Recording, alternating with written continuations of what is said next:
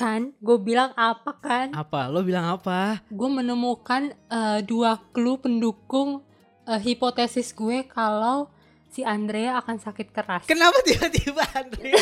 Lu, ntar lu, bentar, bentar. Kenapa tiba-tiba Andrea? Oh, eh, Yang pertama soal Andrea di episode kemarin gue bilang Andrea bakal jadi pastor, tapi kayaknya gue salah nih jelas. Tapi kenapa tiba-tiba lo yakin banget Andrea bakal sakit gitu? nih lama-lama gue udah kayak orang halu maniak pengen si Jongwon sakit keras gue sebenarnya lebih ke mempersiapkan diri sih karena gue pasti bakal sedih banget makanya gue kayak pengen berusaha apa ya eh biar nggak kaget gitu biar nggak shock gue nya jadi legowo dari awal gitu. iya karena ini loh yang pertama yang pas eh, si Jongwon datengin pasien anak kecil yang katanya dia murung habis transplantasi hati Ah, iya iya iya. Terus kan iya, dia- oke. Menghibur kan? Eh, yang dia bilang emang aku bisa hidup sampai berapa lama dengan hati baru ini? Terus dia bilang "Eh, aku tidak tahu cuman kamu pasti hidup lebih lama daripada aku gitu kayak Nggak. gue gue sampai lo ngomong kayak gini tuh nggak nggak menganggap itu sebagai sebuah petunjuk bahwa dia akan mati sebenarnya. Itu lebih ke kayak ya udah gue pengen menghibur aja gitu. Gue cuman gitu aja mikirnya. Kenapa tiba-tiba overthinking lo tuh kayak berlebihan gitu? Kan sutradaranya ini memang semuanya tuh dia tuh nyelipin pasti ada maksudnya gitu loh. Kayak sekecil hal kayak eh, army BTS lah atau misalkan acara Journey to the West atau misalkan eh, kata-kata Bluetooth itu tuh semua tuh ada maksudnya gitu ada kaitannya. Oke. Serius. Apa hubungan army bluetooth sama itu dulu? Apa hubungannya? Coba sama journey to the west. ya? West Camping Live ada di situ. Oh di situ dia bilang apa? Maksudnya ada kaitan dan maksud gue dia tuh suka memas eh, apa ya tipe orang yang perhatian sama hal-hal detail gitu. Kalau nggak ada Hmm, hmm, maksud atau apa dia nggak mungkin jadiin itu sebagai dialog gitu menurut gue. Oh oke. Dan kedua nih belum kelar nih ya apa eh, hasil detektif detektifan gue. Oke. Yang waktu Jongwon itu eh, ngobrol berdua sama si pacar barunya. Hmm. Itu kan eh, sempat nanya kan soal yang ibu-ibu pasien yang kenapa datang terus ke rumah sakit gitu nah, nyariin dia. Terus di situ kan pokoknya eh si Jongwon tuh sempat ngomong orang itu nggak akan selamanya datang gitu. Suatu saat akan pergi terus sampai saat itu terjadi eh, lakukanlah dia dengan baik gitu kayak Hah, siapa yang akan pergi? Kamu akan pergi.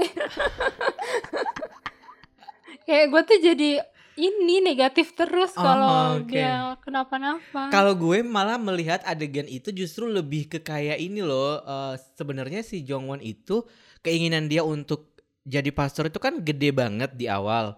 Terus Hmm. gue melihat dialog itu sebagai eh, ininya gitu loh kayak karena dia udah memutuskan akhirnya dia tidak mengambil jalur itu, akhirnya dia berpikir oh gue juga tetap bisa untuk melakukan ini loh kayak pelayanan atau memberikan eh, apa sih wejangan gitu tapi da- dari ya kehidupan jalan hidup yang gue ambil sekarang. Kalau gue sih ngelihatnya kayak wise di situ aja gitu nggak sampai yang sejauh itu gue kayak oh ini orang akan meninggal nih nggak kayak gitu juga sih wah tapi menarik Normalnya memang kayak gitu ya. Harusnya emang Hmm. kayak lo sih. nggak tahu apa yang salah sama gue. Kayak gue harus cek ke Songhwa deh. kayaknya emang Otak gue kenapa? kemarin karena lo sudah memunculkan teori bahwa akan ada dokter yang sakit jadi kayaknya lo ingin membuktikan kayak teori gue ini pasti benar. Gitu deh kayaknya gue gue rasa tuh kayak gitu deh. Karena kayak tadi lo bilang kayak eh, hal-hal gue setuju sih sama hal-hal kecil yang dia masukin atau yang ada di dialog itu nggak mungkin cuman sekedar receh gitu. Hmm. tapi sampai sekarang gue belum menemukan kenapa Geol harus jadi army Karena anaknya sutradara suka BTS. Oh, iya, emang iya bener, emang bener. Iya dia ngomong eh pas di konferensi pers gitu. Anaknya kayak nyaranin eh, apa datengin cameo BTS. Oh, oh oke. Berarti kan itu bukan berarti ada inti ceritanya berurusan sama itu kan walaupun mungkin nanti tapi misalnya iya tapi ada, sesuatu Ada sesuatu gitu. apa ada cerita tapi- di balik itu Iya apa ceritanya kasih tahu dong. aduh lelah gue baru episode 1 iya iya iya. Tapi yang kemarin juga gue bilang di episode podcast kita yang sebelumnya yang soal Songhwa sama Ikjun, kalau lo tadi mencari-cari eh, clue tentang Jongwon, kalau gue justru menunggu momen Songhwa sama Ikjun kan. Kan gue bilang kemarin Nah, di eh, episode langsung sebelumnya. dijawab ya Itu kan langsung dijawab supaya kita bisa move on. Tapi beneran episode ini tuh kayak nahan-nahan itu untuk dijawab di detik-detik terakhir. Abis itu nggak sesuai yang yang kita semua harapkan gitu. Maksudnya gue nggak bisa bilang ini tidak sesuai dengan yang kita semua harapkan sih. Tapi kayak tidak memberikan sebuah eh, kejelasan gitu kalau gue liatnya. Walaupun di saat yang sama juga pada akhirnya nanti kita akan move on sama eh, cerita dua orang ini gitu. Kayaknya gue pikir mereka udah bukan lagi jadi fokus ceritanya sih di di di eh, season ini sih. Dan Hmm. ketika gue bilang kayak gitu barusan bisa jadi memang fokusnya adalah Jongwon yang mau mati. kalaupun gak mati setidaknya akan sempat sakit keras gitu sekarang hipotesa gue oh my god. Oke. cuma memang si eh, Songhwa menurut gue keputusan yang bijak sih kalau dia dibuat nolak dulu kayak Jongwon udah lagi kasmaran kasmarannya nih Jongwon juga eh, baik-baik aja gitu kan walaupun ada misteri kenapa cincinnya sampai mm, dipulangkan kembali ke Korea masa satu lagi pacaran lagi jadi kayak semuanya ngedate Hmm, gitu loh hmm, hmm. Tapi yang masalah cincin juga gue agak ini sih agak agak agak kaget ada sih. yang aneh ya Iya agak kaget juga maksudnya kenapa kenapa mereka ngambilnya kayak oh balik ternyata karena emang nggak ada orang di rumah gitu. Kayak maksudnya ya udah jadinya kayak ya udah bukan bukan sesuatu yang em, menampilkan sebuah kejutan yang kita tunggu-tunggu selama setahun sebenarnya.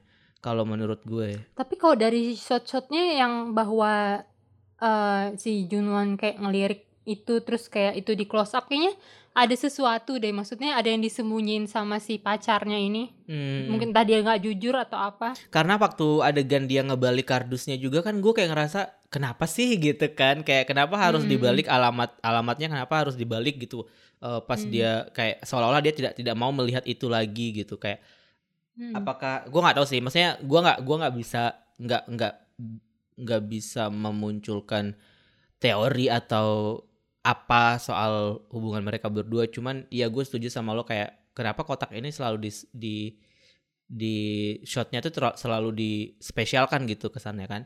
Jadi pasti ada sesuatu gitu ya tapi walaupun pada akhirnya masalah cincin kayak ya udah nguap aja gitu. Sama kayak Ikjun Ikjun sama Songhwa nguap aja udah nanti nih di episode selanjutnya gue pikir. Iya. Cuman hmm, kayaknya sih kemungkinan besar mereka akan nyatu sih. Kenapa tuh? Kenapa lo yakin? Seolah-olah emang lo yang Karena- sutradaranya gitu. karena kalau di awal dibuat susah itu biasanya endingnya ya dikasih lah Hmm. kan kalau dari awal udah manis tetap ya balik ke Jongwon Jo Jongwon tuh nggak manis loh awalnya. Dia tuh tapi pergulatan batin banget loh sebenarnya. iya sih iya sih Ini tuh permasalahan eh, nafsu dan kepercayaan dan keyakinan dan Tuhan gitu. Itu tuh susah tahu untuk untuk bisa sih, untuk susah. bisa eh, akhirnya dia mengambil keputusan itu. Dan gue jujur lebih pengen tahu kenapa akhirnya dia mutusin untuk nggak jadi sih, untuk nggak jadi eh, mengambil jalur yang sudah dia pikirkan selama bertahun-tahun terakhir karena Gyeoul sih sebenarnya. Dan itu kan kita selama ini nggak pernah dikasih penjelasan juga kan kalau di episode eh kalau di season 1 kan mungkin kita jadi lebih tahu kan kayak bagaimana keluarganya sangat menentang keputusan dia tapi dia kok kayaknya pengen banget gitu cuman kayaknya nggak Hmm. pernah terlalu dieksplor kayak yang belak-belakan gitu loh kayak kenapa sih sebenarnya lo jadi pengen jadi pastor gitu dan dia dan dia mengungkapkan itu kayak iya gue pengen misalnya kayak kayak seperti bagaimana dia mengungkapkan kesenangan dia ketika dia membantu anak-anak gitu loh maksudnya Hmm. Nah itu sih gue yang pengen gue tahu sekarang nih, kenapa lo akhirnya eh, bisa mengorbankan keyakinan dan keinginan lo untuk lebih dekat dengan Tuhan tuh demi manusia biasa gitu sih kalau gue pengen tahunya. Hmm, kalau di gue justru menurut gue yang part itu sudah kelar di season 1 gitu kayak Hmm. ya udah ternyata memang eh, dia ternyata masih lebih mencintai eh, ciptaan Tuhan daripada Tuhannya sendiri. Oh, iya, iya, iya juga sih, iya juga sih, benar, benar, benar, benar. Tunggu, gue mau nyambungin lagi nih sama hipotesis gue. Makanya ntar dibuat seolah-olah Tuhan marah kenapa dia nggak milih Tuhannya dikasih hukuman. gitu. Wah, Tuhan sebercanda itu ya di universe ini ternyata. Astagfirullahaladzim. Untung kita beda Tuhan ya. Aduh. Terus apa lagi nih yang udah menarik perhatian lo di episode pertama? Di episode pertama yang lucu sebenarnya bagaimana mereka memunculkan cameo Cilbong lagi. itu sih gue kayak langsung gue Oh. langsung ketawa sih di situ ya pas Junwan bilang kayak Hmm. dia nih pemain bisbol atau gimana kok lemparannya tepat banget gitu kan kayak Iya kan selalu disentil kan. Iya kayak selalu disebut gitu si Cilbong ini gitu dan maksud gue kayak kalau lo mau overthinking lagi kenapa Andrea harus selalu dikaitkan sama Cilbong lo lihat aja reply 94 sekarang Cilbongnya gimana ujungnya? Sakit hati kan? Berarti nggak akan bahagia dong laki-laki ini di sini si Andrea. Tapi mungkin ketidakbahagiaannya itu bukan karena dia akan sakit kalau menurut gue. Tapi hal lain gitu. Gue yang sakit batuk-batuk kayak gitu sih. Karena kan kayak eh, di di season 1 juga eh, obrolan dia sama abangnya waktu di gereja juga dimulai dengan cameo Cilbong juga kan. Dia pakai topi bisbol dia pakai baju eh, olar apa baju yang kayak baju bisbol gitu. Dan sekarang episode 1 juga nih dia dimunculin lagi si Cilbong di situ. Menurut gue itu yang lebih perlu untuk diteliti dan dikulik sih kalau kalau gue pikir sama yang waktu mereka bikin permakluman kenapa Uju bisa gede banget sekarang. Kayak gue gue kan awalnya berpikir kalau season 2 ini sebenarnya udah syuting tuh di season 1 kan. Karena Hmm. beberapa adegan sebelum eh, adegan yang Sokyong yang ketemu sama mantan istrinya menurut gue itu kan sebenarnya syutingnya udah lama. Sama adegan Iya, adegan. Jungwon yang di rumah sama Jongwon itu kan juga udah lama sebenarnya. Tapi pas itu langsung Hmm. eh, break eh, opening title baru masuk ke Ikjun dengan kostum bersepeda anehnya itu kan. Di situ, di Hmm. situ gue ngelihat eh, lucu aja gitu mereka berusaha untuk apa namanya kayak membuat permakluman bahwa ya selama setahun ini si aktor ini nggak bisa akan jadi anak-anak terus padahal kan sebenarnya range waktu dari season 1 dan season 2 kan paling cuma beberapa bulan kan.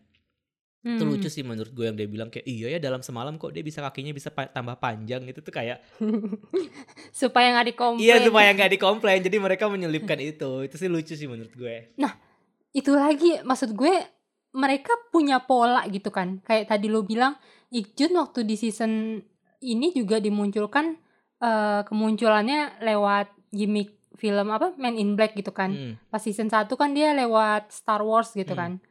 Dan lagi-lagi nih gue kayak kembali tertarik ke hipotesa gue bahwa di ah, dari season 1 itu kita dibuka dengan eh kasus kematian keluarganya si Jongwon kan si bapaknya kan Mm-mm. dan bisa jadi ya di akhir season entah season 2 atau season 3-nya ditutup dengan kepergiannya si Jongwon gitu. Ada apa dengan Jadi kayak- hidup lo? Ada masalah apa sih lo sama kehidupan orang? Gue tanya Nat. nggak tahu ini mungkin eh, apa post traumatic syndrome Cilbong kayaknya Cilbong nggak bisa bahagia Terus terus terus. ya gitu jadi kayak Mama Rosa dia nggak rela ditinggal anaknya untuk mendekat ke Tuhan ya dibikin ini Benar-benar dipanggil Tuhan gitu. Astagfirullahaladzim. Wow. Anda nih sebenarnya apa ya posisi Anda? Saya mulai penasaran nih. Sebenarnya Anda Grim Reaper ya apa Anda nih? iya kayaknya gue mesti masuk cameo di sini dan selain yang lima ini gue jadi suka banget sih sama si siapa Minha Cumina. mm. Mm-mm.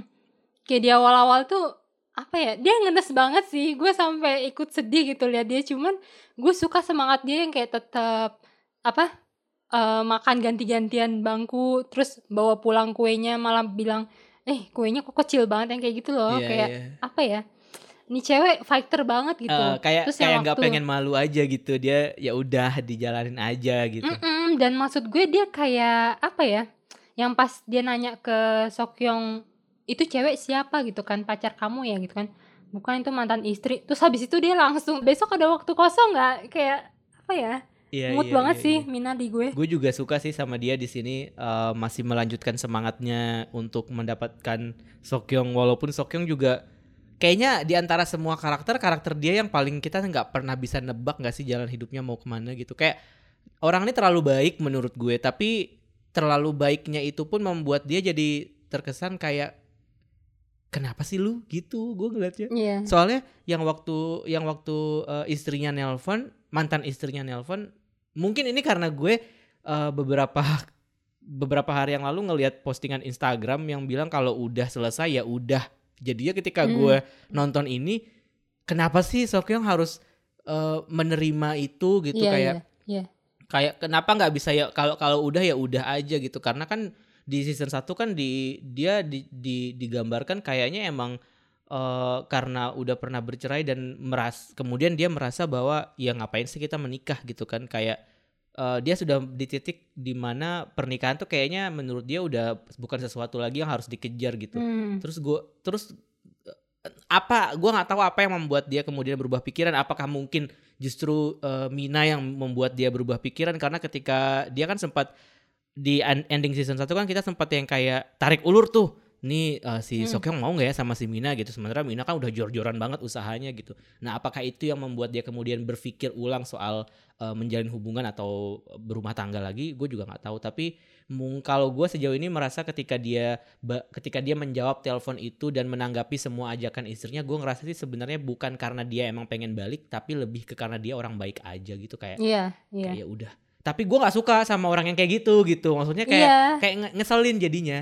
Kayak di saat di saat yang sama lo kayak nggak punya prinsip terus ngasih harapan ke pihak yang sebelah sana terus kayak menghancurkan hati orang yang sebelah sini lagi yang lagi ngarep gitu loh. Jadi kayak nggak bisa nggak bisa kayak gitu. Harus harus tegas kalau emang udah ya udah gitu. Kalau menurut gue. Gue ini sih kayak lebih kesel sama eh, keluarga istrinya sama nyokapnya itu. Mhm. kayak giliran butuh aja lu baru ngomong "Ini kita kan dulu keluarga. Ah. Dasar mama. Maksud gue kalau mereka berpisah baik-baik, kenapa si Sokyong jadi kayak yang agak traumatis gitu sama pernikahan iya gitu iya kan? betul betul gue penasaran sebenarnya mereka bercerai itu kenapa gitu dan kenapa malah sekarang jadi kayak mau ngedeket-deketin si Sokyong lagi gitu selingkuh gak sih istrinya itu istrinya Ikjun kan emang istrinya Sokyong selingkuh ya juga nggak tahu makanya kan gue nanya sama lo kan lo tahu banget nih sampai siapa yang mati juga lo tahu kan? Sampai ngintip catatan. Itu apa? Grim Reaper. Nggak tahu sih masih misteri sih eh, hubungan apa pernikahannya si Sokyong dulu. Hmm. mungkin kalau karena dia terlalu anak mami sampai mau makan apa aja nanya emaknya Mungkin. Kalau yang itu kayaknya kalau yang itu kayaknya lebih karena memang dia udah tahu ibunya udah udah tua kan.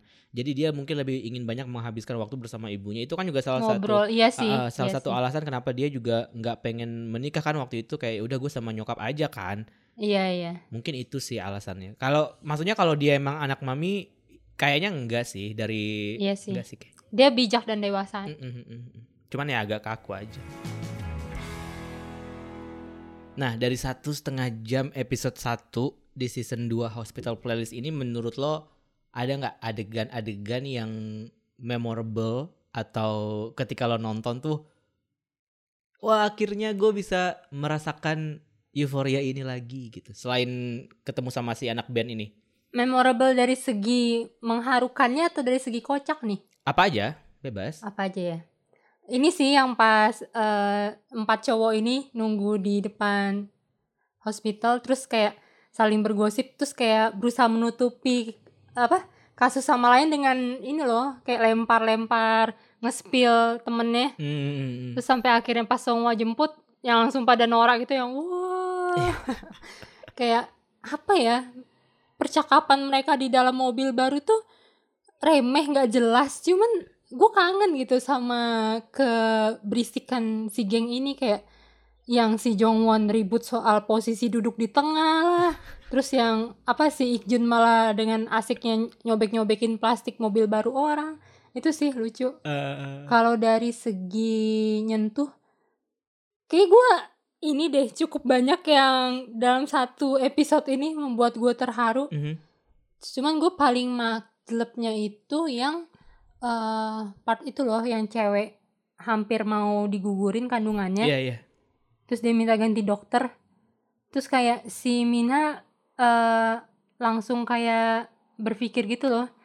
Dalam satu waktu nasib orang bisa jadi berubah sangat drastis gitu hanya karena keputusan dari dokter yang berbeda. Karena gue kayak mungkin karena gue juga cukup sering sakit ya orangnya. Jadi kayak gue juga pernah di posisi kayak aduh pengen ganti dokter bisa nggak ya gitu loh Hmm, kayak hmm, hmm. harapan bahwa eh masih pengen berjuang untuk sembuh untuk eh apa ya mempertahankan sesuatu cuman kadang kita dapet dokter yang kayaknya kok eh, ngeremehin ini kita banget gitu makanya di situ gue respect banget sih sama Sokyong yang kayak apa ya dia tuh jadi dokter yang benar-benar segitu mikirin pasien banget Hmm, hmm. gitu Sama gue juga adegan itu salah satu adegan yang paling jelek menurut gue soalnya kayak banyak hal yang ingin mereka sampaikan dari adegan yang singkat itu doang gitu loh dari sequence yang singkat Hmm. itu menurut gue yang kayak yang pertama bahwa eh ya dari sudut pandang dokter mungkin kita nggak bisa mengabaikan keinginan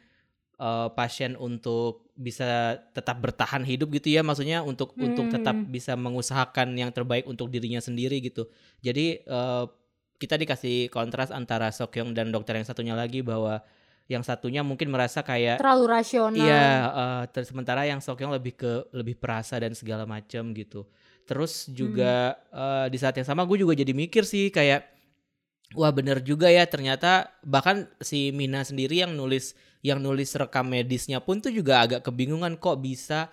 Maksud gue orang yang udah lama bekerja di dunia kedokteran di rumah sakit gitu bahkan dia sendiri pun bingung dengan kenyataan bahwa kok bisa ada eh, satu pasien yang sama di hari yang sama tapi di diputuskan nasibnya sama dua dokter yang berbeda tuh bertolak belakang Hmm. gitu itu gue nonton itu adegan itu bener-bener kayak mikir banget sih kayak Hmm, hmm, hmm. kayak langsung dek gitu iya ya iya juga ya gitu kayak banyak hal yang ingin mereka sampaikan dari adegan itu yang yang gue rasa kalau misalkan kita bahas di satu episode podcast tuh kayaknya nggak cukup kalau gue pikir Hmm, gitu hmm. itu itu sih Hmm. adegannya eh, meaningful kalau buat gue terus kalau misalkan nyambung sama teori dokter sakit yang akan meninggal bernama Andrea itu gue merasa itu juga sebenarnya jadi salah satu clue kalau misalkan kita mau ngubung-ngubungin nih gitu kan kayak yang tadi lo bilang eh bagai kok bisa eh, diagnosa dari dua dokter yang berbeda pun tuh bisa